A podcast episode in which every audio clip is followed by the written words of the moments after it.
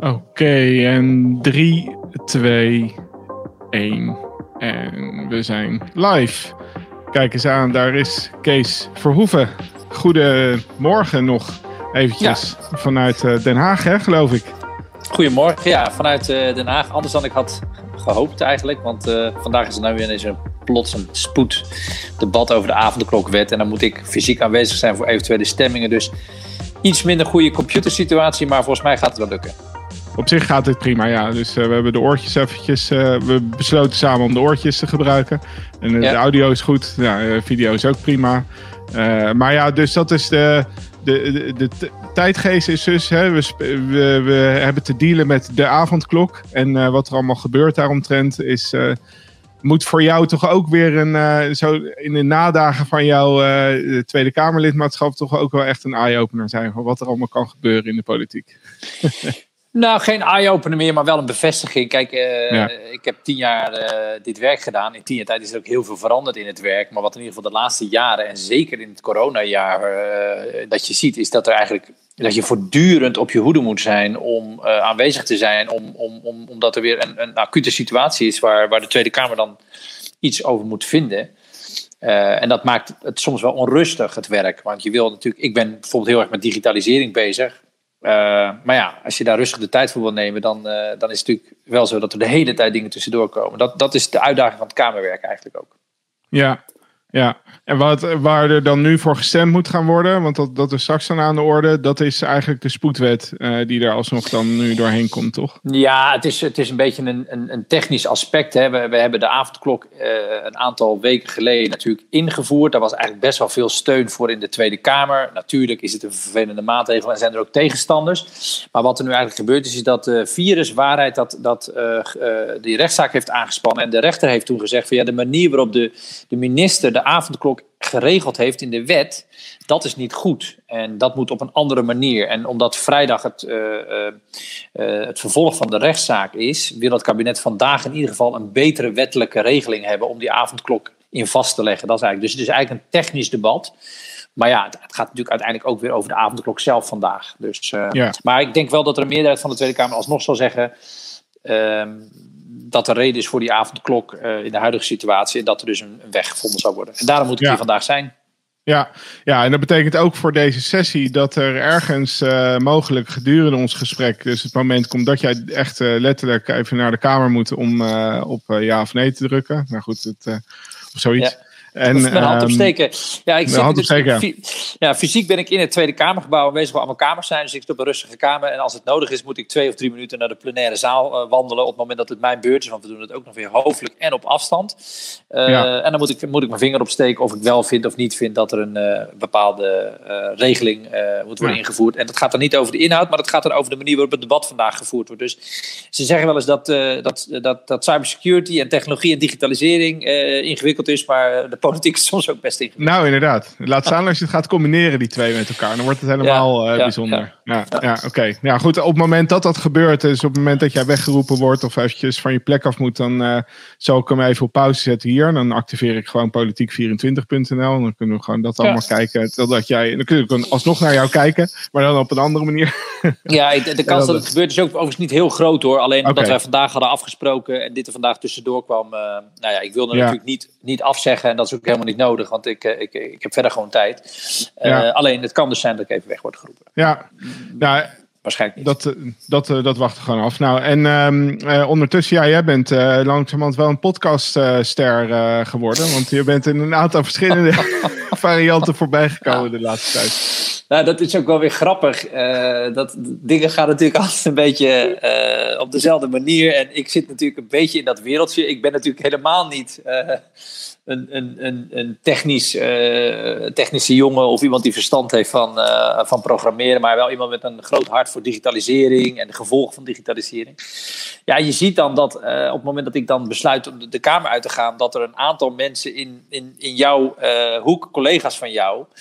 Uh, die zeggen dan, nou joh, Kees, wil je dan nog eens een keer komen terugblikken uh, over die tien jaar en ook het onderwerp en het belang daarvan. En uh, nou, jij bent een van de, van de drie of vier, geloof ik, Erik. En ja, leuk. Nou ja, ik vind het heel grappig en ook heel, een eer om vandaag bij jou te gast te zijn. Dus, ja, ja, leuk. Mooi, ja, ik had zelf al eventjes, want Ronald, die, Ronald Prins, die publiceerde vandaag zijn, zijn uitzending. Ik, ik, kan me niet aan de indruk onttrekken dat dat niet geheel toevallig is dat hij dat doet, maar moet ik dan ook nou, wel heel erg om lachen ik moet er ook om lachen. Ik, ik zou je vertellen, want ik ben best wel uh, open altijd over dat soort dingen. Ik was woensdag, nee dinsdag. Dinsdag was ik bij hem uh, langs gegaan. Uh, ik moest toevallig in Den Haag zijn en toen ben ik ook even naar Scheveningen gegaan. En daar hebben we toen de, het opgenomen. En met Jarno Duursma heb ik het maandag opgenomen. En alle drie dacht ik, nou dat zal dan wel ergens in de weken daarna worden gepubliceerd. Maar ze zijn nu allemaal in deze week ook naar buiten gekomen. Maar weet je wat wel zo is? Het zijn allemaal verschillende benaderingen en verschillende podcasts. En ehm, uh, deze podcast is volgens mij weer heel anders dan, dan die van Ronald. Dus ik denk dat ze goed naast elkaar kunnen bestaan. Maar grappig was het wel. Want Ronald zei, ik weet nog niet wanneer ik hem ga doen. Komende donderdag of de donderdag erop. Maar ja. hij is natuurlijk niet gek. Dus nee. hij heeft het toch maar opgegooid. Ja. ja, ik heb dat totaal niet in de gaten. Maar volgens mij maakt hij er dan een, een sport van, weet je wel. Dus dat is wel heel erg grappig. En, Maar goed, hij, heeft wel, hij is wel zo sportief om ons nog eventjes te noemen in, in zijn timeline. Dus dat is hartstikke oh, prima. goed. Ja, nou, ik vind, dus, het, uh, ik, ik, vind het heel grappig. Het, is, ik, het, is op een gegeven moment, het was zelfs zo, Erik, dat ik op een gegeven moment een beetje het gevoel kreeg van... als je zeg maar door de radio gevraagd wordt in de ochtend aanwezig te zijn... dan, dan willen ze je in de avond niet meer hebben. Want dan hebben ze twee keer dezelfde gast. Hè? Dus dan oh, ja. voelt dat, dat moet je als Kamerlid dan ook zeggen. Ja, nee, ik ben vanochtend al bij jullie op de zender geweest. Oh nee, dan willen we je niet in de, de uitzending. Oh, ja. Dat is een soort regel die ze hebben. En toen dacht ik op een gegeven moment, geldt dat nou ook voor podcasts, weet je wel? Moet ik, moet ik nu aangeven dat ik zowel bij Ronald Prins als Jarno Nieuws... maar als bij Erik Remmelswaal ben? En ik wist dat niet, maar ik dacht ik hou gewoon mijn mond. Het is allemaal open op internet. Ja, ik wil we merken het wel. Alle drie, alle drie doen. Ja, ja, ja ik denk dat... Uh, um, nou goed, ik heb die van Ronald dan zelf net even geluisterd. Niet helemaal af kunnen luisteren. Maar ik denk dat de strekking op zich... Uh, kijk, wat met hem heb je heel erg gesproken over de inhoud van, uh, van de wetgeving. Die gepasseerd is eigenlijk de afgelopen jaren in jouw ja. Tweede Kamerlidmaatschap. En daar heeft hij natuurlijk ook zelf enorm veel uh, inhoudelijke kennis over. Omdat hij daar uh, als lid van de TIP uh, ook ja, een rol in of, ja, mee heeft moeten werken. Of in ja, heeft zeker. meegekeken. Ja. dus dat, dat is heel erg interessant. En met Jarno denk ik dat het, dat het meer eigenlijk over toekomstvisie zal zijn gegaan. Maar die moet ik nog luisteren. Ga ik zeker doen. Ja, nee, die van uh, Ronald ging zelfs echt maar ging voor 90% over twee grote wetten waar ik uh, me mee ja. bemoeid heb en hij ook. En dat was inderdaad echt op het veiligheidsdomein. Uh, de computercriminaliteit, de hackwet en de sleepwet, om maar even de bekendere samenvatting te zeggen. Uh, en die was ook maar 20 minuten. En die van Jarno was veel meer inderdaad over uh, wat breder en veel meer ook over big tech. Uh, ja. En de rol van, van social media en, en desinformatie en deepfake, waar hij natuurlijk heel veel van af weet. Ja, en, en, en, en, en, en wij hebben het nog voor ons liggen. Ja, inderdaad. Ja, ja. Dus we kunnen het nog alle kanten uit zien, zien te krijgen. Ja. en, maar in de tussentijd is um, natuurlijk op zich wel het hele digibetocratie woord geïntroduceerd. Sinds ja. afgelopen zondag.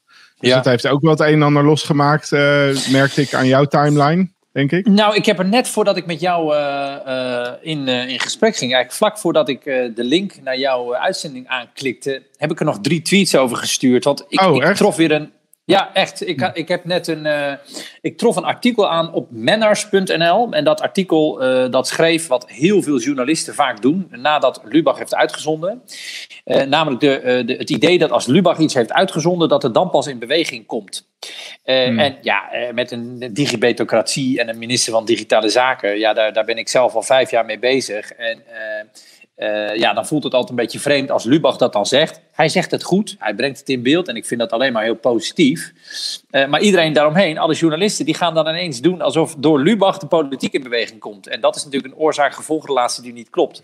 Dus uh, ik ben zelf heel erg geïnteresseerd in politieke en, en, en, en uh, politiek proces, maar ook in psychologische denkfouten. En het is eigenlijk een klassieke denkfout dat als Arjen Lubach iets zegt, dat iedereen dan denkt, ah, nu worden ze wakker in Den Haag. Dus daar heb ik even ja. over getwitterd. Ja. Ja, ja, precies. Ja. Ja, en ik zag het van de week al voorbij komen. Want het ging toen uh, ook over een opiniestuk. Uh, wat je met ja. Apple Bruins hebt, uh, hebt geschreven. Of in ieder geval na, namens jullie is gepubliceerd. Dacht ik toch? Hebben jullie samen gedaan? Zeker. Ja, we hebben ook samen geschreven hoor. Kamerleden schrijven dat soort stukken over het algemeen gewoon zelf. En Eppo die is eh, best wel mee begaan. En uh, die zei tegen me, oké, jij gaat uit de Kamer en ik uh, hoop door te gaan. Laten we nog samen een stuk schrijven over digitaal vaardige politici. Ja. Nou, dat is denk ik al twee weken geleden zijn we daar al, al, al mee bezig geweest. En het idee van hem dat dateert al nog van langer. En op een gegeven moment hadden we het samen heen en weer zitten schrijven. En toen hebben we het neergelegd. En het is dus niet zo dat wij pas dat artikel zijn gaan schrijven. Het artikel was er al. Maar het AD wilde het wel ineens plaatsen naar Lubach. Dus ja. dat is eigenlijk hoe het gaat. Dus het is eigenlijk ook een beetje de medialogica. En ik zeg helemaal niet dat politiek alles ziet hoor. En het is fantastisch dat er journalisten zijn die dingen in beeld brengen. En zeker op de manier zoals Lubach dat doet met een grote glimlach. Alleen soms voel je als politicus wel een beetje uh, ongezien. Want ja, ik ben al best wel lang met het onderwerp bezig. Ja, ja. ja het is natuurlijk nu dat ook in het, in, uh, in het spoor van wat er is gebeurd bij, met de GGD-data en dergelijke, dat het in één op een bepaalde manier heel veel andere en meer aandacht heeft gekregen, dit onderwerp. Dus hij, misschien ook om die reden dat hij er een onderwerp van nu heeft gemaakt. En dan vallen in één keer heel veel stukjes op zijn plaats. Ja. Uh, maar goed, dit is inderdaad, het is al heel lang eigenlijk, denk ik wel, um, een relevant thema. Uh, maar nu is ja, de indruk die ook gewekt wordt, uh, die ik ook heb, is, ja, jij gaat vertrekken uit de Tweede Kamer. Nou, jij was inderdaad ook voor mij altijd wel een stabiele factor. Als het ging om, uh, oké, als er iets digitaals besproken werd, dan wist ik in ieder geval dat, dat Kees er op een zinnige manier naar keek, inhoudelijk. En uh, ja. nou, de, vers 2 was dan van, nou ben ik het altijd helemaal met je eens. Dat, dat maakt eigenlijk niet eens uit. Maar ik was al gewoon blij dat er gewoon zinnig gekeken werd naar onderwerpen. Weet je wel? Dat, dat je ook het gevoel hebt van, oké, weet je wel ja, het gaat op een goede manier over de inhoud van zaken. Het is zo um, grappig dat je dit zegt. Ik onderbreek je, want dat is precies. Ja. Jij zegt heel terecht. Ik ben het lang niet altijd met je eens, maar het feit dat mensen al blij zijn dat ik in ieder geval op een enigszins onderbouwde manier geluisterd hebben naar mensen en dingen gelezen hebben over praat, dat vinden de meeste mensen al een opluchting. Dat kan je als ja. positief zien, maar eigenlijk is het heel ernstig. Want dan zitten we dus blijkbaar nog in de fase dat het niet zoveel uitmaakt wat ik erover zeg, maar dat ik er in ieder geval iets over zeg wat niet helemaal onzinnig is. En dat ja. is natuurlijk de stand van zaken van het digitale debat. Hè? Dat, dat er zoveel uh, onjuiste dingen worden beweerd. Ook in die uitzending van Lubach zag je inderdaad minister Grapperhaus over dubbele encryptie praten. Uh, ik heb CDA-Kamerleden dingen horen beweren over een downloadverbod en over, een, over netneutraliteit en over uh, uh, allerlei mogelijke technische mogelijkheden om, om, om bepaalde dingen op internet aan te pakken en, en websites te blokkeren. Terwijl als je de, de kennis hebt, dan weet je dat hun oplossingen eigenlijk helemaal niet per se werken. En zelf heb ik die fout ook gemaakt. Dus het debat is nu gaande, maar het goede debat is nog niet gaande, denk ik. Nee, maar ik denk ook dat de, de volgens mij is ook alles wat er uh, gebeurt op het gebied van digitalisering. Nou, ik heb de indruk dat het ook veel vaker dan met andere onderwerpen misschien, uh, of dat dat atypisch is, dat, het, dat er een links- en een rechtsbenadering bij te maken is. Weet je? Dus dat het, dat het eigenlijk meer gaat over uh, goed geïnformeerd zijn of niet goed geïnformeerd zijn. op het moment dat er een debat gevoerd wordt. En dat, ja, en op zich past het natuurlijk ook wel bij D66 dan, dat het juist niet zo heel erg uh, aan, aan het linker of rechterkant van het spectrum zit, politiek gezien, zo'n onderwerp. Uh, maar ik zou ook zeggen dat, en dat heb ik ook een beetje in de van Lubach zelf dan uh, eruit gehaald en ook getwitterd, van ik zou best geïnteresseerd zijn in een partij die echt zegt van hé, hey, dat digitaal, dat is eigenlijk gewoon een, een thema waar we echt heel erg nadrukkelijk op zouden moeten inzetten. En dat zie ik toch nog niet heel erg in de partijprogramma's naar voren komen. Nee. Tot nu toe. nee, dat is helaas het geval. En in die zin is, dus, is er ook wel uh, reden om te spreken van een, van een reëel risico op een digibetocratie. Kijk, uh, het staat wel hier en daar staan digitaliserings- en technologische onderwerpen wel in ons verkiezingsprogramma, maar niet in één, in één hoofdstuk, maar wat meer verspreid over verschillende hoofdstukken. Dat vond ik zelf jammer. Ik had liever gezien dat er één goede, duidelijke digitale paragraaf of hoofdstuk zou zijn. Twee, we hebben op onze lijst, maar op alle kandidatenlijsten staan de kandidaten relatief laag. De stemwijzer heeft nul stellingen over digitale onderwerpen, ja. wat best wel bizar is. Dus, nou, fractievoorzitters praten niet over digitalisering. Uh, dus dat zijn meestal de gewone Kamerleden, om het zo maar te zeggen. Dus het heeft nog niet de, de, de status, de politieke status, die het maatschappelijk gezien wel verdient. Want de digitalisering ja. heeft een enorme impact. Ja, maar en dan, hè, ik had dan het, uh, het opiniestuk even aandachtig gelezen wat in de AD dan uh, stond. Ik zal even kijken, als het goed kan ik hem goed in beeld brengen. Uh, enigszins voor de mensen die dat nog niet gezien hebben. Ik kan wel erbij zijn. Ja, zo. Um, ja. Dus een stuk in, de, in, het, in het AD. Nou, deze staat, heb ik gewoon van jouw Twitter-stream af. Maar goed, die valt wel ergens nog te vinden, gok ik zo. Ja, hij staat inderdaad. Dit is een fotootje volgens mij, maar hij staat ook gewoon op de openad.nl. kun je hem ook gewoon open vinden. Ja, ja, ja. Dus kijk, wat, wat ik alleen een beetje vond, is dat als het er dan om gaat van oké, op, welke, op welke thema's of subthema's van digitalisering zou dan ook meer aandacht uh, moeten zitten, dan, dan gaat het wel in dit stuk heel erg over de uh, beveiligingskant daarvan. En dat, daar is ook natuurlijk nog echt een wereld te winnen. Maar ik denk ook, er is ook bestuurlijk gezien natuurlijk nog een hele hoop uh, visie en, en of ambitie of ik wat te vertellen als het gaat om digitalisering. Want gewoon de hele wereld en hoe je dingen bestuurt is, is aan het veranderen. Ja, nee, het is, het is inderdaad veel breder dan alleen maar de beveiliging. Hoe, met beveiliging kan je het hebben over beveiligen we de digitale infrastructuur goed of is je data veilig als je die uh, aan de overheid of aan een groot uh, technologiebedrijf geeft. Dus veiligheid is ook alweer een vrij brede term.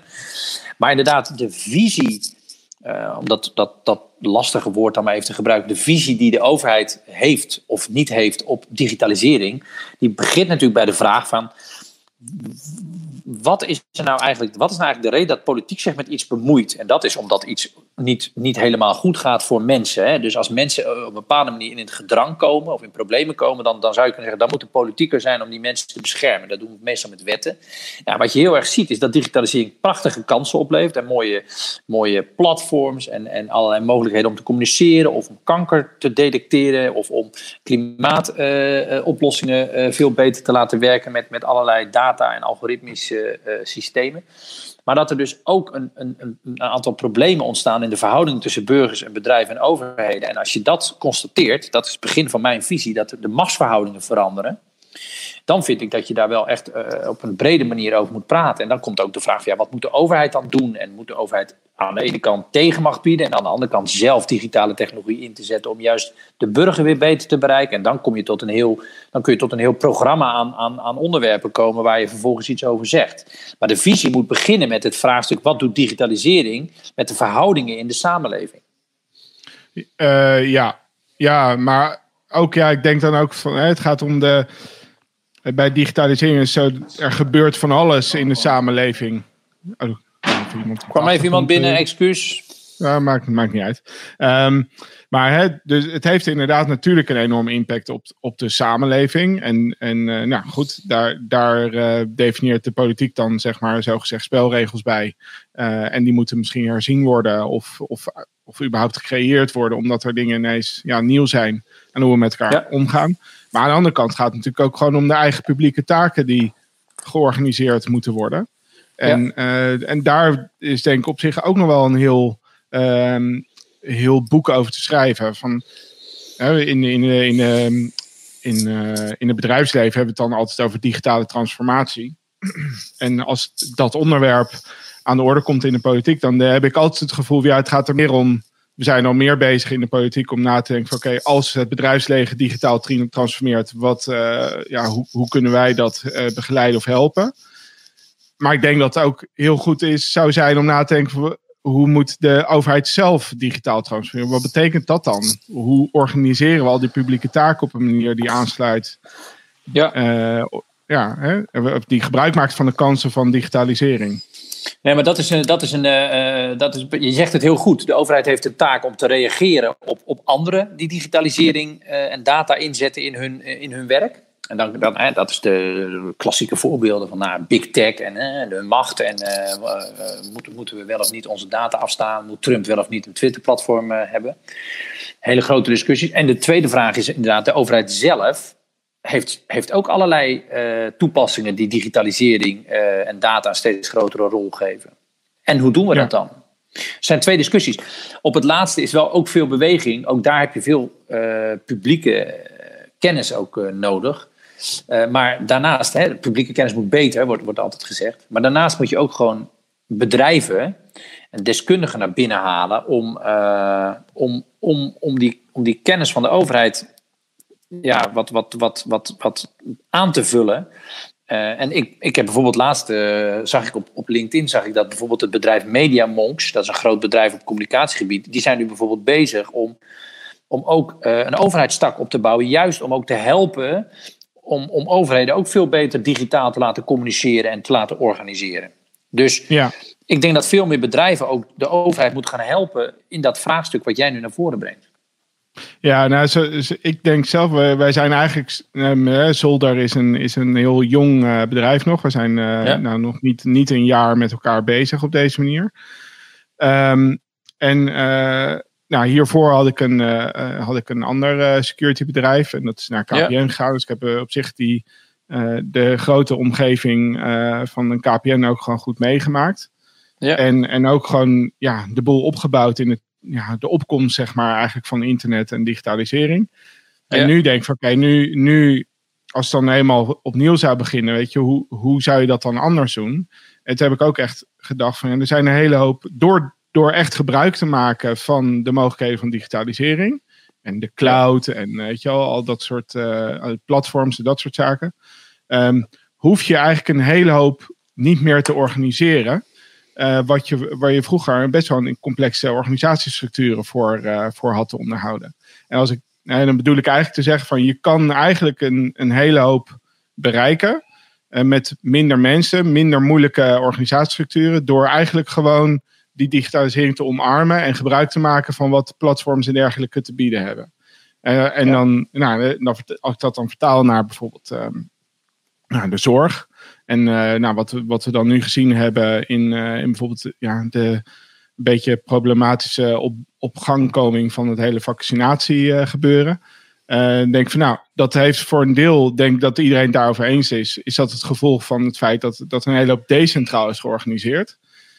En nou, kan je zeggen, van, nou, dat is gewoon een keuze, weet je, je doet of centraal of je doet decentraal. Maar op het moment dat je dingen decentraal plaatst, dan krijg je decentraal ook een hele hoop organisatie, lagen, eigen meningen en beslissingen over hoe ze ja, bepaalde taken uitvoeren. Um, ik denk, ja, de cloud en digitalisering, en dat maakt het mogelijk dat je eigenlijk uh, dingen meer standaardiseert. Zegt van, oké, okay, dit is de manier waarop we werken. En decentraal gaan we ervoor zorgen dat we op een goede manier met die middelen uh, de lokale mensen bereiken. Maar we hoeven daar niet nog een hele nieuwe ja. of een hele ingewikkelde organisatiestructuur voor op te tuigen. Uh, en dat is een ja. voorbeeld. Ja, het, het, is een beetje ver vooruit kijken, misschien, weet je wel. Maar ik mis op het vlak van digitalisering is eigenlijk ook een beetje die. Uh, echt een beetje een visie van hoe kunnen we het gebruiken, zeg maar, als, als samenleving en in de overheid. Ja, en, en ik vind dat wel een terecht. Hè. De, de laatste tijd zeggen mensen ook wel tegen mij van je zit wel heel erg op het reactieve vlak van uh, er gebeuren dingen die zijn niet goed en daar moet de overheid wat mee. En niet zozeer op het actieve vlak, wat jij nu heel erg aanstipt, van gebruik het om uh, processen te verbeteren en, en, en, uh, ja. en, en, misschien ook wat te objectiveren of te standaardiseren zoals jij dat doet. Dus dat, ik denk dat het een heel terecht, terecht aspect is van, ehm, van, van, van een onderdeel van wat digitalisering kan zijn. En ik denk dat de overheid daar nu gewoon nog niet klaar voor is om dat te, te, doen op de manier zoals jij dat vanuit jouw bedrijfsvisie of jouw, jouw, jouw, jouw kennisniveau en ervaring, dat jij dat ja. nu ziet. Dus de kans die jij ziet en die jij nu tegen mij vertelt, de overheid ziet die kans denk ik nog niet, omdat ze veel meer, veel meer terug zijn, veel, veel minder ver zijn in, het, in, het, in, het, uh, in de cyclus. Zij zitten nog heel erg met de vraag: hoe kunnen we dit in hemelsnaam gebruiken? In plaats van ja. hoe kunnen we die kansen heel goed benutten? Dus ze ja. zijn zover, denk ik, gewoon nog niet. En daar kunnen jullie, uh, bedrijven uh, met, met, met kennis en expertise en zo, kunnen daar dus bij helpen. En dat is ja. ook een van de dingen die ik wel altijd zeg: breng nou die private, particuliere kennis naar binnen. En hoe doen, we, hoe, hoe doen we dat dan, wij, de private bedrijven? Nou ja, uh, toch gewoon het aanbod doen. Je, je, je ja. melden. En inderdaad, dan hoor ik wel vaak, ja, dan krijg je vaak weer een aanbestedingsmuur. Hè, dus dan, uh, je, hè, dan stel dat jij met jouw bedrijf zolder zegt van nou, hup, we, we, we, gaan iets, we kunnen iets voor jullie doen. We kunnen iets voor jullie betekenen. Dan zegt oh, ja, we moeten wel via een aanbesteding. Dus er zijn heel veel barrières, waardoor die publiek-private samenwerking eigenlijk nog niet goed van de grond komt. Terwijl iedereen die er verstand van heeft, dat wel steeds zegt, laten we dat nou doen.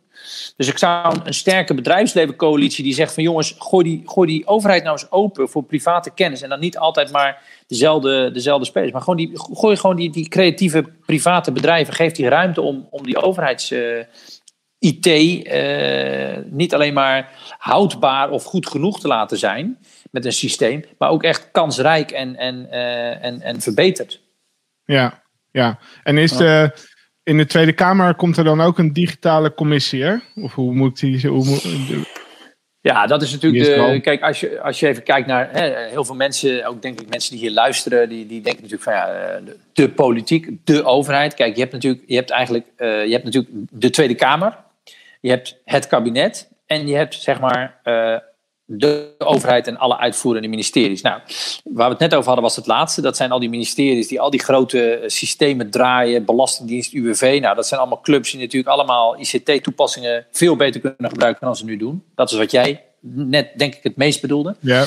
Daarnaast heb je natuurlijk ook het kabinet. Nou, dat zijn gewoon de ministers die gaan over alle grote besluiten op hoofdlijnen. Nou, er is geen minister van ICT, er is geen minister van Digitale Zaken. En dan heb je ook nog de Tweede Kamer, die dat natuurlijk allemaal moet controleren.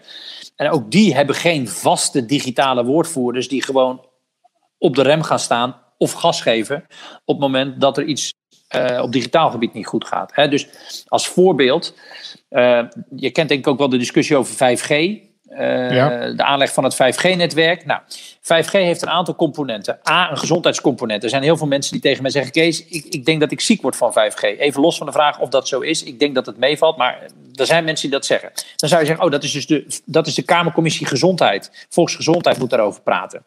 Vervolgens zijn er mensen die zeggen: Ik heb 5G nodig voor een sneller en beter internet. waarbij ik al mijn innovatieve toepassingen beter kan, uh, kan uitrollen. Economische zaken en innovatie. Dan zou je zeggen: Oh, dan moet de commissie Economische Zaken erop praten. Nou, dan kan je ook nog zeggen: Hey, het Chinese bedrijf Huawei gaat dat aanleggen. Die, die hebben zendmasten en onderdelen van het 5G-systeem. En die, die komen zij in Nederland aanleggen. En misschien heeft dat wel het gevaar van achterdeurtjes of spionage of wat dan ook. hey, dan is het eigenlijk buitenlandse zaken. Of misschien wel justitie en veiligheid. Dan heb, dan heb je al vier of drie of vier verschillende Kamerleden en vier verschillende commissies, vier verschillende woordvoerders per partij, die steeds over een stukje van dat hele grote onderwerp praten.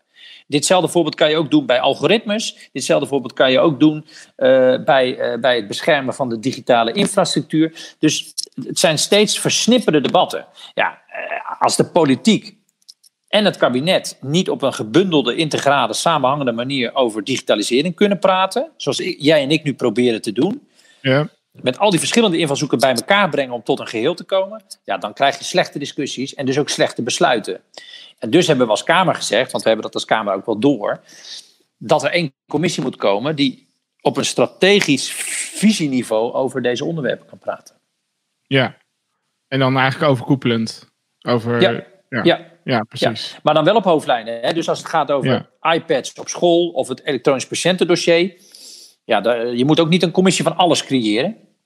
Nee. Dus het gaat dan om de strategische hoofdlijn. Politiek is natuurlijk altijd een beetje welk niveau kies je.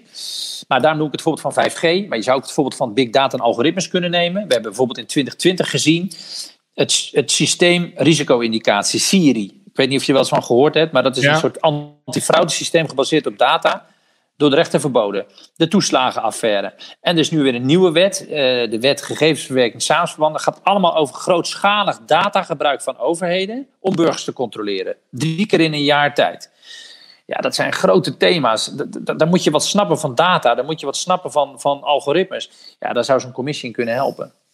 Ja, ja nou, het lijkt mij ook. En, en is het ja, want het, het, er is natuurlijk inderdaad een, een, risico dat dat op een gegeven moment gewoon alles gaat raken. Dus je moet het inderdaad denk, ja, of goed afbaken of op een gegeven moment besluit van hé, hey, misschien ja, is digitaal ook gewoon een alles onderwerp of zo. Moeten we ook uh, nog meer organiseren op die manier. Ja, uh, ja. Hè, want kan wel. De, ja, want het in jouw visie of jouw opinie, want ik mis het volgens mij een beetje in het AD-stuk ook uh, specifiek inderdaad het inrichten van een ministerie eh, die hierover gaat? Ben je van mening dat ik, ik minister zelf, van digitaal... Uh, absoluut. Kijk, ja. ik, er zijn allemaal mensen die dan gelijk tegen me zeggen... Kees, dat kan niet. Of dan wordt het de minister van ICT. Of dit wordt de minister zonder invloed. er zijn allemaal mensen die dan gelijk zeggen... dat kan niet. Nou, dat, dat, heb ik al tien jaar gehoord. Toen ik zei, je moet big, big tech bedrijven opknippen. Zei ook, dat kan niet. Dus je kan altijd zeggen, het kan niet. Maar dat, dat vind ik nooit zo'n spannende benadering. Dus ik zou zeggen, ja, kom met een minister van Digitale Zaken. Die echt gewoon invloed heeft. Uh, en, en op de grote dossiers waar data en digitalisering de inzet van ICT-systemen. En, maar bijvoorbeeld ook vraagstukken over uh, nieuwe ontwikkelingen zoals quantum. Wat betekent quantum voor de veiligheid van, van versleuteld communiceren? Uh, van, die, van die grote strategische vraagstukken die mensen raken. Laat een alsjeblieft een minister zijn die daar verstand van heeft en, en, en, en die een, uh, een groep ambtenaren, deskundigen heeft, die daar gewoon in ieder geval mee kan, uh, kan bepalen en invloed heeft op het beleid. Want anders dan zie je dus ja, dat er steeds uh, keuzes worden gemaakt die niet werken. En ik heb die fout zelf ook gemaakt. In 2011, toen zat ik net in de Kamer, toen ging het over het downloadverbod. En in hetzelfde jaar ging het over de cookiewet. Downloadverbod is er nooit gekomen. Maar op een gegeven moment dacht de Kamer, ja, we doen gewoon even een downloadverbod. We verbieden gewoon downloaden, gaan we dat gewoon blokkeren. Nou, toen zei iemand op een gegeven moment tegen mij, Kees, heb je al eens gehoord van VPN? Ik zei, nee, ik heb er nooit van gehoord. Nou, dat betekent dat je via een omweg gewoon eromheen kan. En er zijn nog wel twintig andere manieren om dat te omzeilen ook nog. Dus ja, leuk dat je een soort van muurtje metselt en denkt dat je daarmee uh, het probleem oplost. Werkt niet. Nou, Cookie werd hetzelfde, over muren gesproken, cookie-muren. We hebben die cookie-pop-ups als, als, als, als wettelijke verplichting uh, ingevoerd om ervoor te zorgen dat mensen weten dat ze gevolgd worden op internet.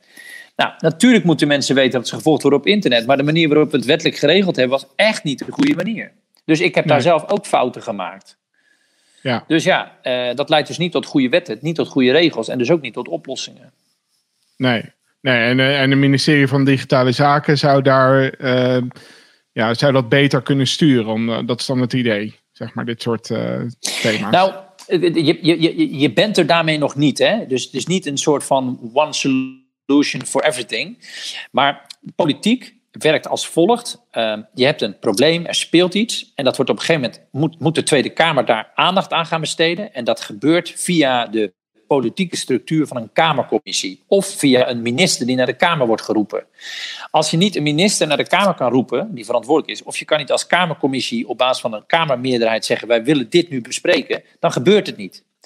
Als er een commissie digitale zaken is met allemaal oplettende Kamerleden die snappen dat dit belangrijke onderwerpen zijn, zul je vaker debatten krijgen over digitalisering dan nu het geval is. Ik heb heel vaak meegemaakt dat ik een debat aanvroeg over een onderwerp en dat ik geen meerderheid kreeg omdat niemand het belang zag. En dan ging het weer over de zorg of weer over bepaalde dieren die bedreigd werden. Ook belangrijk, maar eh, goed. Laatst bij dat datalek moest ik een dag lang alles uit de kast halen, met alle collega's appen, lijntjes leggen, bellen, om het voor elkaar te krijgen dat daar een Kamerdebat over gevoerd werd. Dus, ja. dus ik ben een dag bezig geweest, niet om op de inhoud in te lezen, maar om een Kamerdebat los te frikken. Nou, dat zou met een commissie ja. Digitale Zaken niet gebeuren. Nee, nee, precies. Nee, dat denk ik ook. Nou, en ik, ik zat erover na te denken in, dat, uh, in, de, in voorbereiding op het gesprek van wat dat op zich ook nog wel een relevante aspect is hieraan. Is dat ik uh, gewoon uh, kijk 100% eventjes naar, naar, naar mijzelf. Dat ik uh, op een gegeven moment, nou, ik ben, ik ben succesvol geweest als cybersecurity ondernemer. Ik heb op het punt, ik, heb, ik heb een moment gehad dat ik bij mezelf ging nadenken, oké, okay, what's next? En toen heb ik ook wel overwogen van ja, weet je, ben ik, zou ik het misschien wat vinden om meer publieke taak op te pakken. En ik denk dat als op dat moment er een ministerie van Digitale Zaken zou zijn geweest.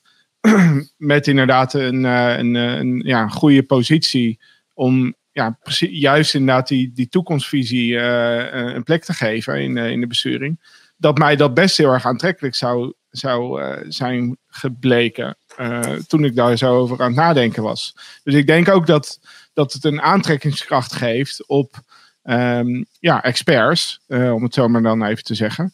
Uh, om dus ook een rol te gaan uh, spelen in dit uh, hele verhaal. Wat, wat tot nu toe misschien heel erg moeilijk is voor de overheid om, om de juiste mensen aan te trekken. Nou, dat, dit, is, dit, is, dit, is, dit is heel bijzonder dat je dit zegt. Kijk, ik, ik, ik, heb, ik heb ook wel eens contacten met, met, met ambtenaren en met, en met ministeries. En de structuur is daar, de digitale organisatiestructuur is echt nog heel erg onvolwassen. En, en die is nog heel erg traag en dat kost nog heel veel overleg en er is nog geen duidelijke regie en aansturing. Dus het is heel erg, ook daar is de verkokering aan de gang. En als jij met jouw kennis en jouw manier van denken en jouw manier van ondernemer zijn en dingen willen regelen, als je daar binnen zou stappen en je zou in die overlegstructuur terechtkomen, dan zou je denk ik binnen een half jaar tot de conclusie komen dat je er niet gelukkig van wordt. Terwijl als ja. er nou En er zijn landen waar het anders is. Hè. In het Verenigd Koninkrijk, maar ook in de Scandinavische landen en Israël zijn er gewoon voorbeelden waarbij er gewoon op een veel sterker gebundelde manier uh, aan, aan succesvol ICT-beleid gewerkt wordt. En daar zou je misschien wel heel gelukkig van kunnen worden. Dus dat, ik denk dat het waar is dat ook daar zeg maar, uh, nog, nog een slag te slaan is. Ja, ja ik denk het ook. Uh, maar goed, ja, dus een interessante ontwikkeling. Denk je dat het in de nieuwe kabinetsvorming kans van slagen maakt? Digitale zaken? Ja, denk het wel. Meestal moet, ja. meestal moet iets één keer mislukken voordat het, voordat het wel lukt. Ik heb het in 2000 2017 tijdens de formatie ook al geprobeerd om een, om een minister eh, eh, voor elkaar te krijgen. Is toen ook niet gelukt.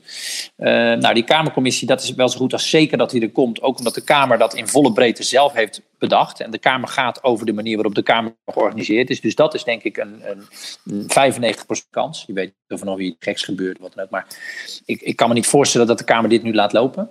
Ook al zijn de, de bedenkers van die commissie allemaal weg. Uh, vanaf 17 maart. Wat echt een bizarre uh, samenloop van omstandigheden is. Erg jammer. Uh, want die commissie moet wel goed gevuld worden uiteindelijk. Maar dat is nog een ander verhaal. Dus die commissie gaat er wel komen. Die minister is meer 50-50. daar, daar zitten denk ik meer haken en ogen aan. Het zou zo kunnen zijn dat de Kamercommissie er is. En dat de Kamercommissie dan vier jaar lang allerlei verschillende ministers naar de Kamer moet roepen. En dat alsnog dus wat verkokerd en, en, en versnipperd blijft. En dat het dan over vier jaar pas gebeurt. Omdat men het nu nog niet aandurft. Maar het kan ook zijn dat men nu doorpakt en zegt ja we hebben nou zoveel thema's gehad. Er zijn zoveel landen die het al hebben. Nederland kan niet meer achterblijven. Dus het is echt een dubbeltje op zijn kant. Ja, oké. Nou goed, we, we wachten het af. Uh, en um, uh, ik weet dat, want ik had natuurlijk op zich ook al de briljante vraag uh, voorbereid aan jou om, om te vragen waar je het meest trots op bent. Nou, nu weet ik dat dus al, want ik heb naar Ronald geluisterd. ja. de, van, dat gaat over de WIF, toch? Als ik het goed heb onthouden. Ja, ja, ja dat dat is, dat is een beetje de paradox van de WIF. Hè. Kijk, als, uh, als de meeste, de, de, de 16,9 miljoen mensen in Nederland weten helemaal niet wie ik ben. Maar uh, de mensen die politiek volgen, die zullen denk ik de WIF zien. Als ik met een journalist praat over, over, terugblikken, dan, dan, dan is altijd de WIF. Hé, hey, de WIF. Ja, Kees, je hebt toen een draai gemaakt, de WIF. Hm. Die WIF is dus mijn, mijn zogenaamde politieke kras, zo, zou je het kunnen zeggen. Hè? Want dat is het, het dossier waar ik dan het lastig heb gehad of zo, weet je wel. Wat ook zo is. Alleen ik heb daar natuurlijk tegelijkertijd heb ik daar echt wel redelijk wat politieke uh, effort in gestoken om die wet vanuit een minderheidspositie. Want ik was echt een van de weinigen die het echt een slechte wet vond. Om die wet vanuit een minderheidspositie toch wat beter te krijgen op het gebied van burgerrechten en, en privacybescherming. En waarom ik daar trots op ben, is omdat ik de verschillende momenten dat de politicus invloed kan uitoefenen die heb ik allemaal in ieder geval geprobeerd te benutten. En we hebben nu gezien met die toeslagenaffaire. En echt, ik, ik heb helemaal, ik heb de meeste dingen niet goed gedaan hè, in mijn politieke carrière. Maar met die toeslagenaffaire, maar met Syrië, zie je dat het voorkomen van ellende heeft nooit iets opgeleverd. Pas achteraf, het rechtzetten en het blootleggen van ellende, dat is altijd de grote eye-opener. En dan komen altijd de grote verhalen en dan gaat de media meeschrijven. Als je probeert iets te voorkomen, maar dat is niet interessant, want dan heb je het voorkomen. En ik heb in ieder geval geprobeerd op tijdens de formatie en na het referendum met die wetswijziging. En nu ook weer met die commissie die die wet geëvalueerd heeft. Om al die momenten te benutten om die wet wat beter te maken. Nou, dat is nog niet eens helemaal perfect gelukt. Maar ik heb het in ieder geval geprobeerd. En uh, dat ik daarnaast te stellig ben geweest aan het begin. Waardoor mijn middenpositie uiteindelijk niet meer geloofwaardig was. Dat is inderdaad gewoon de onhandige communicatie van mij geweest. Ik ben, ik ben te veel meegegaan, denk ik, in, in het radicale tegenkamp. Terwijl ik eigenlijk veel, veel milder was. Ik was wel tegen, maar ik, was, ik zag ook wel in dat zo'n wet er moest komen. Ja, en dan ging dat met name over het sleepnet. Uh, aspect hè, van de wet. Wel, ja, wat, Je, wat ik jou ook al heb horen zeggen, ja, er zit veel meer in die wet wat eigenlijk uh, nou, misschien niet belangrijker is, maar minstens zo belangrijk was geweest om goed nou, nu wel belangrijk. Het is nu, ik, denk dat, ik denk nu zelfs belangrijker. Ik denk dat de hekbevoegdheid van de inlichtingendienst op dit moment belangrijker is. En meer mensen kan raken in potentie. Dan het ja. sleepwetgedeelte waar we ons allemaal blind op hebben gestaard. Om de dood eenvoudige reden dat encryptie slepen uh, voor een heel groot deel uh, heel, be heel beperkt maakt in wat je ermee binnenhaalt. Ja, zeker weten. En uh, op zich was het op zich. Uh, ik ben benieuwd wat jij, hoe jij hier dan naar kijkt, naar dit plaatje. Want uh, dit is gisteren gepubliceerd op, het, um, op een ja, op een aantal nieuwszenders. maar dit gaat over de Nederlandse politie, die op een aantal hackfora zelf heeft laten zien van hallo, wij kijken jullie met, met jullie mee. Wij zijn goed in wat we doen. Dus denk nog maar een keer na voordat je Nederlandse infrastructuur gebruikt om je hack al jouw criminele activiteiten mee, mee uit te voeren. Je is het nieuw voor je? Ik, ik zie nog geen herkenning bij het plaatje. Nee, het is nieuw. Uh, ja. uh, ik, ik vind dit best wel een bijzondere, uh, best wel een bijzondere benadering. omdat als je dit zeg maar even los van de context leest, everyone makes mistakes, we are waiting for yours, dat is best wel een harde afrekenbenadering. Nou kan ik me best voorstellen dat, dat je dit neerzet op een plek waar ook heel veel criminaliteit plaatsvindt. En zeker als je de politie bent. Maar toch vind ik dit, als ik dit plaatje zo zie, even los van de context, vind ik de zin everyone make mistake, makes mistakes, we are waiting for yours vind ik niet een hele fijne benadering. Maar dat is gewoon nee, een, dat is gevoelsmatig, hè? Oké. Eh, nou, het, het is onderdeel van een groter uh, artikel. Dus uh, hier staat precies, op ZDNet, maar nu.nl had er ook over geschreven. nou, dus, interessant hoor, dit. Ja. Ik, ik, ken dit, dit niet. Is heel nee. Nou, wat, wat ik... ik ik, ik werd er een beetje trots van. Want ik dacht, kijk, en dat, dat heb je de laatste tijd ook gezien. Ik zal eerlijk zeggen dat ik ook toen, toen het voor het eerst ging over, over de WIF en zo dat ik ook een beetje mijn bedenkingen had over, uh, ja, moet je zoveel bevoegdheid geven? En inderdaad, ja, mhm. exploits en uh, zero days en weet je, hoe werkt dat dan? Allemaal moeilijk. Um, ja. Maar goed, uh, nu geloof ik dat dat op zich daar dus ook goed genoeg over is nagedacht. Kan altijd beter. Maar dat er, dat er voldoende waarborgen zitten voor allerlei risico's in hoe we het hebben toegepast. Maar dat we nu dus wel een, een, deze bevoegdheid hebben voor de politie, waarmee we best wel voorloper zijn uh, in de wereld misschien wel, als het gaat om inderdaad ja, in te kunnen grijpen op, um, uh, op criminele activiteiten. En volgens mij hebben we dat de laatste maanden echt voor het eerst echt ook gezien. Weet je, dat je inderdaad gaat, gaat merken van al die oprolactiviteiten die er zijn geweest met Europol en Interpol zie je in één keer dat Nederland echt een soort van uh, cruciale voortrekkersrol uh, speelt. Ja. En dat, dat vind ik wel heel erg gaaf eigenlijk. Maar ik denk dat het allebei waar kan zijn. Kijk, ik ben groot voorstander van, van investeringen in, in cyberrecherche en de digitale teams van, van, van, van Defensie, van politie en, en ook de, de, de, de kracht van, van de AIVD en de MIVD om, om, om Nederland te beveiligen en, en, en, en snel te zien welke dreigingen er zijn. Dus een, een, een, een, zowel een defensieve als een offensieve kracht van, van de veiligheids- en opsporings- en defensieorganisaties. Daar ben ik helemaal niet tegen. En iedereen voelt een vorm van trots als de AIVD een aantal Russische staatshackers oprolt. Of wat jij zegt, als de politie erin slaagt om online. Hè, dan voelen we allemaal een gevoel van trots. Dus dat herken ik heel erg.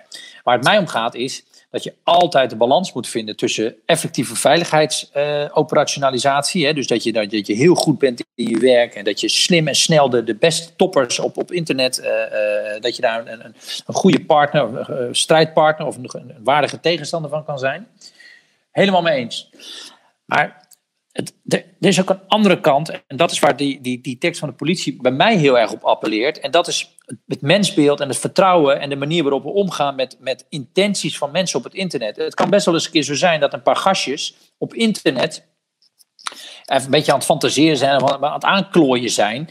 En dat de politie daar bij wijze van spreken gelijk opduikt of ze ergens intrekt en ze gelijk vol aanpakt. Terwijl als je dat niet had gedaan, er misschien wel veel minder was gebeurd dan, dan, dan we denken op basis van zo'n ingrijp. Dus, en daarnaast natuurlijk de rechtmatigheid van handelen. En, en daar is de zoektocht heel erg, uh, dus toch de, de, de, de veiligheid versus de, de, de burgerrechten. En daar, dat laatste vind ik ook heel erg belangrijk. Snap je? Dus ja. daar zit voor mij wel een intrinsieke passie altijd. Dat ik denk van ja jongens, natuurlijk moeten we ons uh, wapenen tegen allerlei uh, slechte uh, mensen met slechte intenties. Maar er zijn ook allerlei zoekende jonge gastjes die we gelijk in hun kraag vatten. Terwijl ze misschien wel helemaal niet zoveel slechts in de zin hadden. En, en, daar zoek ik naar de juiste balans. Ja, nou ik snap het wel. Ja, en, ik, en ik denk, ja, als ik het, ik snap helemaal wat je zegt. En ik zeg, en ik denk van ja, als ik, als ik weet dat dit bericht op dat forum geplaatst, of die echt die uh, ja, hack, uh, uh, dark web-achtige website um, geplaatst is. Ja. Ja. Dan denk ik van nou, dan snapt de politie wel heel goed welke snaar ze op welke manier moeten raken om in die wereld ja, de aandacht te trekken voor, voor dat ze er zijn. en dat is denk ik op zich wel een goede ontwikkeling. Want ja, tot, tot nu toe ja, gebeurt dat eigenlijk niet zo. En denken, denken die lui misschien juist dat ze heel erg onaantastbaar zijn. Eens. Nou, ik denk dat, dat daar ben ik het alleen maar mee eens. En in die zin, daarom zei ik ook, ben ik blij dat ik eh, net zei van ik wil de context even zien. En, en, en ja, precies. context erbij begrijp ik het al beter. Maar als ik sec naar die twee zinnetjes kijk, ja, ja. hetzelfde als dat de politie bij wijze van spreken op straat loopt en zegt, nou oké, we wachten totdat je een foutje maakt. En dan pakken we je keihard aan, weet je wel. Dus als, een, als, een, als je een gastje van 18 een keer een, eh, een blikje niet in, het vuilnis, uh, in de vuilnisbak gooit of om vijf over negen nog buiten is, dan pakken we je gelijk keihard aan. Ja, dat gaat een beetje de kant op van, oké, we zijn dus een soort van politiestaat. En dat is het gevoel wat het bij mij losmaakt. Dus misschien ook mijn, dat is mijn benadering van, van de wereld. Ja, ja. Terwijl als je gelijk, je hebt helemaal gelijk, op het, op het darknet is er een grotere kans dat mensen aan het uh, intenties hebben om slechte dingen te doen, spullen te kopen waarmee ze mensen kunnen uh, binnendringen of kunnen hacken of, of, of, of uh, nou ja, DDS-achtige dingen kunnen kopen ja, dan is het logisch dat de politie daar ook uh, aanwezig is om te kijken wat er gebeurt. En het is zeker niet zo dat de darknet of, of allerlei fora een soort vrij, uh, vrije speelzolder, of hoe noem je dat, een, een, een speeltuin voor, uh, voor, voor criminelen moet kunnen zijn. Dat is absoluut ook niet zo. Nee, ik snap het. Oké. Maar goed, ik vond het wel vet. Gewoon. Ja, mooi. Ja, ik, vind het, ik vind het nu ook al iets, ik vind het nu ook al iets draaglijker. Uh, ja, precies. Oké, goed zo, goed zo. Oké, hey, en nou, um, uh, nou je, je, je tijd zit er dan nu uh, bijna op. Als, wanneer zijn de verkiezingen ja. nou weer? In maart? 17, 17 maart. 17 maart, ik had 20 maart Ja, ja de, nee, nee, de, de, de, de, er is natuurlijk nog weer discussie over. nou, het gaat gewoon, wat mij betreft is het heel simpel. Het gaat waarschijnlijk gewoon door. De kans is 99,9% dat de verkiezingen gewoon doorgaan. Verkiezingen niet door laten gaan is echt ongelooflijk grote beslissing. Zal niet snel gebeuren, is bijna niemand voor. En dan zijn ze 17 maart. En dat betekent denk ik dat ik op 25 maart. Want het duurt dan nog even stemmen tellen. En een week daarna wordt de Kamer ontbonden, zoals dat heet. Dus dan, uh, je kan, een kabinet kan nog een aantal maanden door. Hè, want er moet een landsbestuur zijn. Maar de Kamer wordt direct na de verkiezingen vervangen. Dus ik word op 25 maart. Dan word ik ontheven van mijn functie als Kamerlid. Oké. Dus dat is over vijf weken.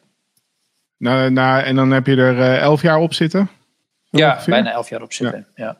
Jeetje, jeetje.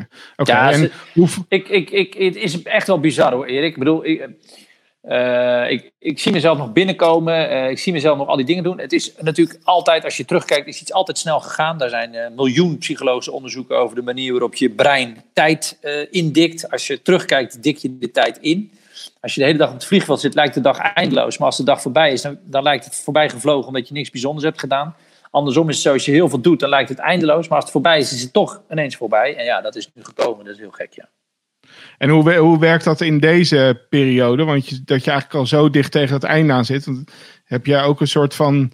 Dat je denkt, ja, weet je, alles wat ik nu nog doe, dat. Uh, ben ik gewoon misschien mijn, mijn opvolger uh, gras voor de voet aan het wegwaaien? Of uh, nee, dat, heeft niet zin meer?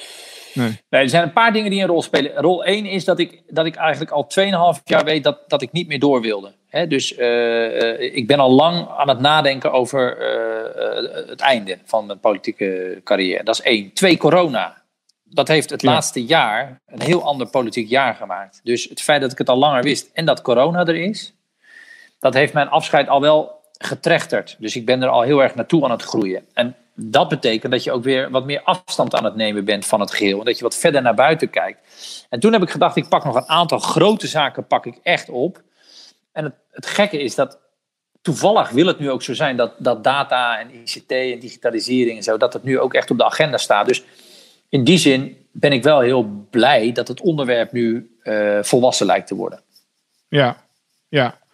Ja, ja oké. En, en wat, um, um, wat, wat zijn dan nu nog die grote onderwerpen waar je nu nog echt mee bezig bent? Uh, met stip op één, de macht van de overheid op basis van data en surveillance. Ja. Dus dat is één. En, en twee, eigenlijk vrijwel direct daarachteraan, is natuurlijk de macht van de grote techbedrijven en hun verantwoordelijkheid in het uh, maatschappelijke debat. Ja, dat triggert mij nooit zo eerlijk gezegd. Als ik heel eerlijk ben. Hè? Dus de, um, ik ben wel heel eerlijk hoor. Ja, ja maar uh, ik, weet je, ik denk altijd van, ik, ik, ik, kijk gewoon eigenlijk anders naar die ontwikkeling. Ik denk van, oké, okay, ja, die, die techbedrijven zijn gewoon private spelers en ze zijn ja. mega machtig. Uh, maar we kunnen met z'n allen gewoon ervoor kiezen om er afscheid van te nemen. De vraag is alleen, ja, wat, moet, wat is er voor nodig om dat te doen? Um, maar ja, hoe, weet je, uh, wat, ja, wat, wat, heb, wat hebben we dan nodig met elkaar om dat meer te reguleren? Weet je, dat ik, ik, ja, dat, dat, ik heb niet een soort van uh, urgentie of zo daarbij, dat het nodig is. Nee, dat, is, dat, dat, dat, dat, uh, dat blijkt. En dat is ook, ja. denk ik. ja, nee, dat vind ik heel mooi dat je dat zo ziet. Kijk, je hebt natuurlijk, je hebt, jij bent volgens mij iemand die hier heel erg naar kijkt. Van, ja, maar je hebt toch een keuze. Je kunt toch, je kunt toch een keuze maken om je daarvan te bevrijden. Veel makkelijker. Je kunt je veel makkelijker van Facebook losmaken dan van de Nederlandse overheid of de Belastingdienst. Hè? Dus, dus je, in die zin kun je, kun je inderdaad zeggen, ja, dat big tech gedoe. En er zijn veel mensen die dat ook tegen mij zeggen. Maar vergis je niet. Uh, ik, ik ben zelf niet lid meer van Facebook sinds twee jaar. En ik heb, ik heb nog wel een Instagram-account, maar ik denk dat ik daar anderhalf jaar niks meer op heb gezet. Ik doe alleen uh, Twitter en LinkedIn. Het is wel een, een ongelooflijk krachtig uh, medium en een platform met heel veel invloed op het, op maatschappelijk debat. En misschien ben jij er vrij van. En misschien ben jij uh, zelfbewust en, en, en niet heel erg verslavingsgevoelig om er los van te blijven. Maar heel veel mensen baseren eh, een heel groot deel van hun, hun mening op die media en social media. Social media. En dat is wel iets wat gewoon aan de hand is. En ik vind het iets te rationeel benaderd. Dat, ik vind dat jij er dus iets te rationeel in zit. Want voor veel mensen is het niet zo'n makkelijke keuze om er los van te komen. Die zijn bijna die zijn in de greep van die bedrijven en dan ook nog eens op een onbewuste manier. Dus ja. Ja, ja, ik, ik, kijk, wat ik wel volg is inderdaad de, de, het hele gebeuren rondom met name de Amerikaanse verkiezingen en, uh, en het, ja. het, ja, de, de rol die dan de social media bedrijven uh, ja, eigenlijk toch wel moeten pakken om inderdaad op een gegeven moment te zeggen van ja, ja nu, nu is het genoeg en uh, we, we, we gooien je nu offline. Um, ja, weet je, dat is natuurlijk een razend ingewikkeld thema van ja, wanneer, ja, wat moeten zij daar zelf in bepalen? Uh, en ja, hoe ver mogen ze erin gaan? Uh, vrijheid van meningsuitingachtige discussies. Uh, Zeker. Die, ja. ja. die snap ik wel. En ik, snap dan, ik zie dan natuurlijk ook wel dat, wat de invloed ervan is. op het moment dat je dat gewoon op zijn beloop laat. Um, word je gebeld of moet je nu naar de kamer? Nee, dit is, dit is, geen, dit is niet mijn telefoon uit 1982. Nee, dit is, dit is een kamerbel die nog niet betekent dat ik iets moet doen. Oh ja, ik herken dus... hem wel als kamerbel. Ja, ja het is ook een kamerbel, alleen je hebt verschillende kamerbellen. Oké. je hebt de lange kamerbel aan het begin. Je hebt de, de, de, de twee korte kamerbellen. Ik kijk wel even op mijn telefoon of ik niet stiekem toch iets mis. Excuus daarvoor. Uh, nee, dat snap ik al. Het is een belangrijk thema. Nou, het zal je maar gebeuren uh, dat je dus... Dat je dus uh, de de nee, avondklok komt niet... Staan. Nou ja, ik, ik zou je nog. Ik, ik, ik app even dat. Ik, ik zeg even eh, stemmingsbel, vraagteken. Uh, op de app van de fractie. En dan kom ik weer terug in het gesprek. Excuses hoor, maar goed. Uh, ja. uh, de, de, de, de avondklok is. De avondklok is afgewezen, want lid Verhoeven was, zat in de podcast. Nou, ik zou je vertellen, het is niet zo heel erg denkbeeldig wat je nu schetst. we hebben een half jaar geleden, ging het heel lang over de zorgmotie van Geert Wilders. Geert Wilders bleef maar een zorgmotie indienen. En uh, op een gegeven moment werd, dat, werd het echt 75-75. Het, eh, het, kabinet vond dat het niet kon. En de coalitiepartijen die, die waren geneigd om te zeggen: van, nou, laat het kabinet dan met een andere oplossing komen. Maar Wilders bleef die motie maar indienen. En op een gegeven moment was het 75 tegen 75 voor. En hoofdelijk stemmen. Dus moesten allemaal om de beurt naar de Kamer komen. En dan ging elke keer een bel. Maar dat was heel verwarrend, want niemand wist wanneer die aan de beurt was. In drie groepen van 50 werd er gestemd. En toen bleek ik te laat te zijn. En ik zit met de V in de laatste groep. Dus ik, ik was te laat en stemde dus niet tegen. En daardoor zei iedereen, door Verhoeven is die motie nu aangenomen. Achteraf bleek dat een ander Kamerlid, Renske Leijten, in haar groep, zij was voor, ook te laat was. En daardoor was het 74-74 en was er uiteindelijk geen gevolg voor mijn actie. Maar anders had in alle kranten gestaan dat de zorgmotie was aangenomen door het lid Verhoeven. Dus ja. Eh, wat jij schetst kan gewoon echt gebeuren. En ja, het zijn hele vervelende situaties. Want dan, dan, dan doe je jezelf als Kamerlid op een procedureel handelingetje tekort. En dan, dan kom je daardoor in het nieuws. In plaats van dat je natuurlijk in het nieuws wil zijn omdat je met iets inhoudelijks bezig bent. Dus ik, vandaar dat ik even twee minuten nam. Straks zit ik hier lekker te podcasten bij, uh, bij jou en, uh, en uh, ja. maak ik een grote fout. Ja, goed. ja. ja. Oké, maar goed, dus Big Tech wel, wel belangrijk. dat is eigenlijk de boodschap, toch? Ja. Ja, big tech is. Eh, de, mens is een, is, een, is een emotioneel en irrationeel wezen. De mens is in feite een soort biochemisch algoritme. Je kunt door slim persuasive technology toe te passen. Uh, ga maar naar een website en je bent de laatste die een hotelkamer of een camping kan boeken. Je voelt gelijk een, een, een, een fysieke, uh, zwetende, nek, nekspieren aantrekkende reactie op het moment dat je ziet dat je bijna te laat bent die, die, die, die persuasive technology heeft echt veel mensen in de greep en, en is dus een, een grote beïnvloedingsmachine uh, uh, die ervoor zorgt dat mensen ja, toch gaan denken dat er bepaalde complotten zijn, desinformatie. Dus ik vind het een zorgelijke, zorgelijke.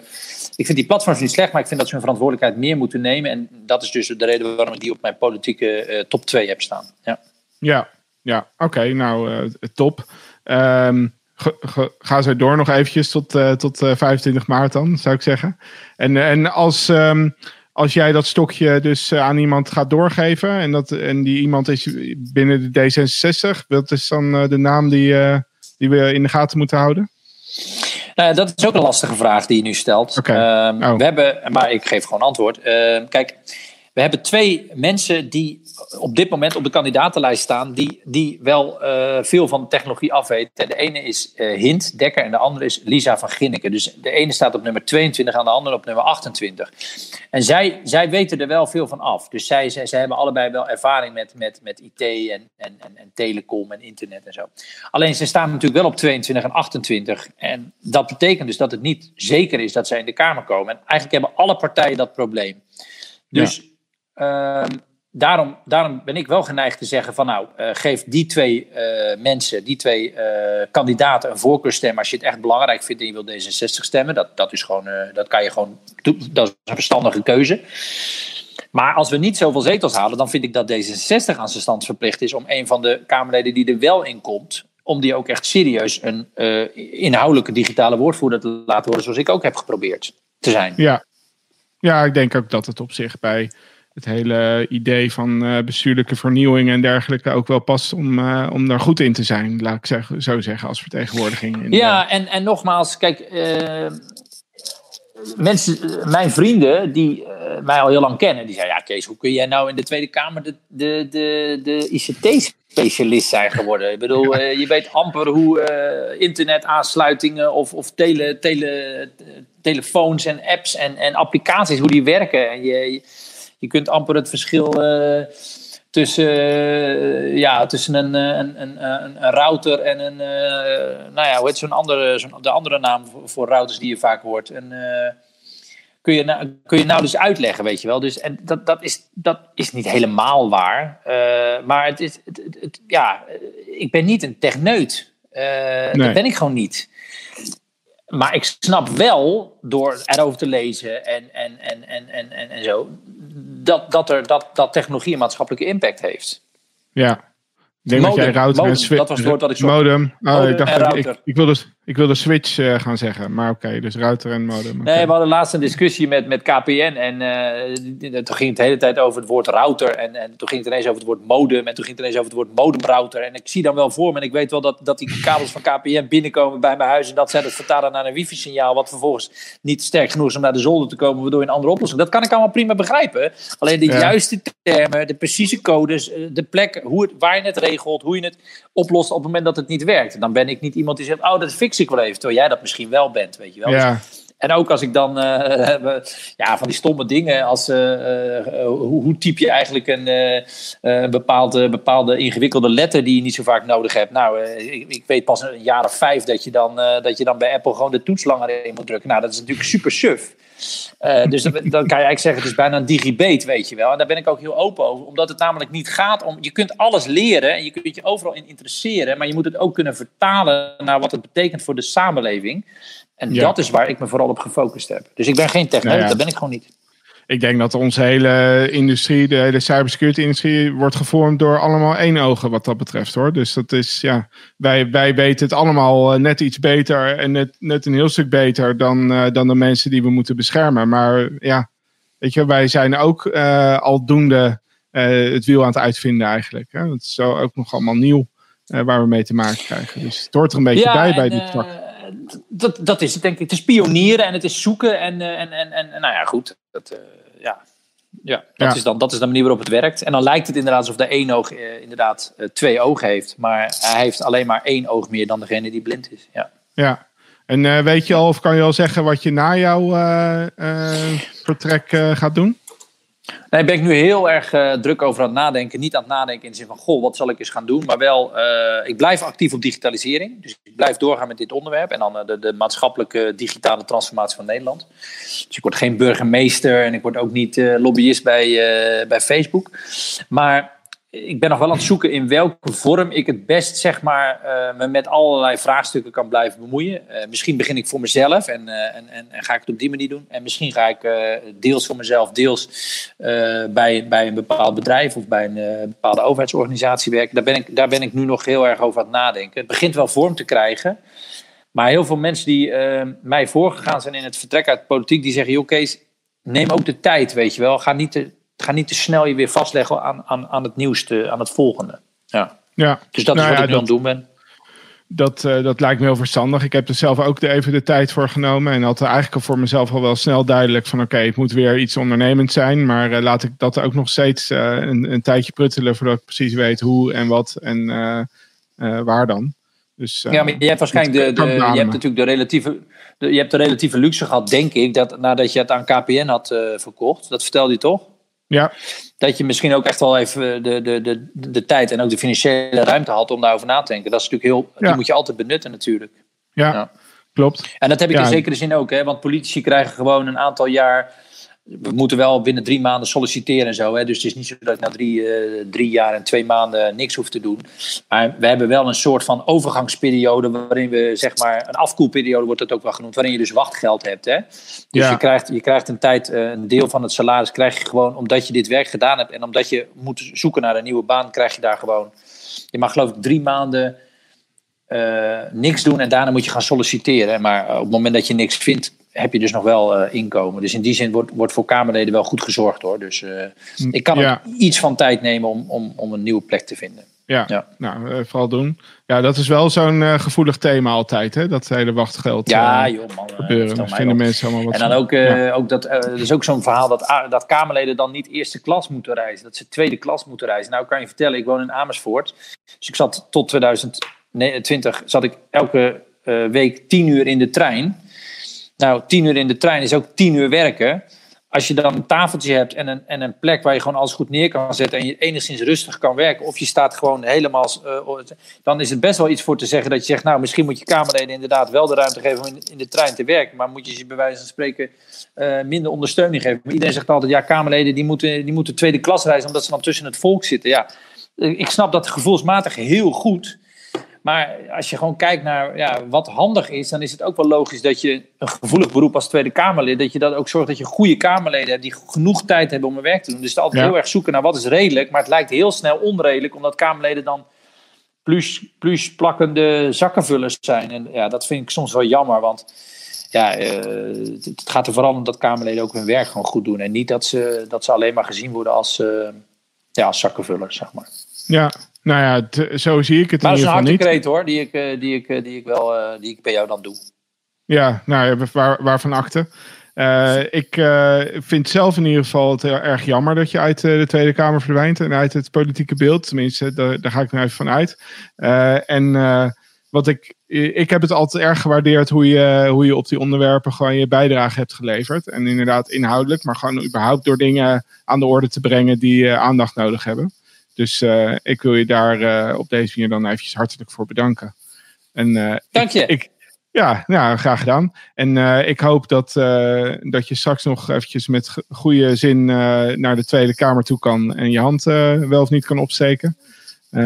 en nou ja, dan zien we wel wat er verder nog gaat gebeuren met de avondklok en met corona. Goed, denk ik. Ja, dat is natuurlijk. nou, daar heb ik echt eh, daar heb ik bijna geen invloed op. Dat zijn zulke grote bewegingen. Maar inderdaad, uh, ik vind het wel leuk om te horen dat je. Ik vind het ook wel fijn dat, dat het gezien wordt dat ik in ieder geval geprobeerd heb om het onderwerp uh, op een inhoudelijke en, en wat meer hoogprioritaire manier te behandelen. En dat is ook wel waar ik denk ik ook wel trots op ben. En ik heb nogmaals, heel veel onhandige dingen gedaan in de afgelopen jaren, waardoor dingen ook weer niet helemaal perfect gingen. Maar ik heb het wel met heel veel plezier gedaan. En nou, ik vind het leuk om in ieder geval te horen dat het dan gezien wordt dat ik in ieder geval agendeerde en dat ik in ieder geval probeerde er iets van te snappen.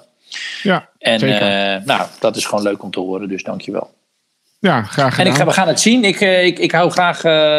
ik blijf natuurlijk actief. Dus ja nou ja, we houden ook wel. Ik hou contact met. Ik blijf je volgen en ik uh, zal me, me in blijven inzetten voor uh, iets betere digitalisering. Vooral ook op dat eerste punt wat je zei. Bij, bij overheden zelf kan er ook nog heel veel treinwinst ja. geboekt worden. Top. Oké, nou hartelijk bedankt voor deze sessie. Um, Graag gedaan. Ik ga hem, uh, ik ga hem afsluiten. Na, na afloop publiceren we hem ook op audio-only kanalen. Dus Spotify en dergelijke komt hij dan ook te staan. Dus dan laat ik het nog even weten wat de linkjes zijn. Ja, want uh, dat is een beetje de, de, het idee van gelijke behandeling. Ik heb die van, uh, van Jarno ja. heb ik getwitterd. Die, uh, die ja, daar was ik wel jaloers op. Twitteren. Ja. Maar ja. die van jou ga ik ook twitteren. Dus dat gaat gewoon Goed, gebeuren. Nee, ik vond het superleuk. En dit was toch weer een heel ander gesprek dan de andere twee. Hè? Dus ik bedoel, het is gewoon hartstikke leuk om mee te doen. Oké. Okay. Bedankt Kees voor alles. En succes verder met, met al je ondernemingen. Yo. Dankjewel. We keep in touch. Oké. Okay, ik, druk, ik ga weg hè nu. Ik ga eruit hè? Ja, is goed. Ja. Is goed. Oké. Okay. Hoi. Hoi.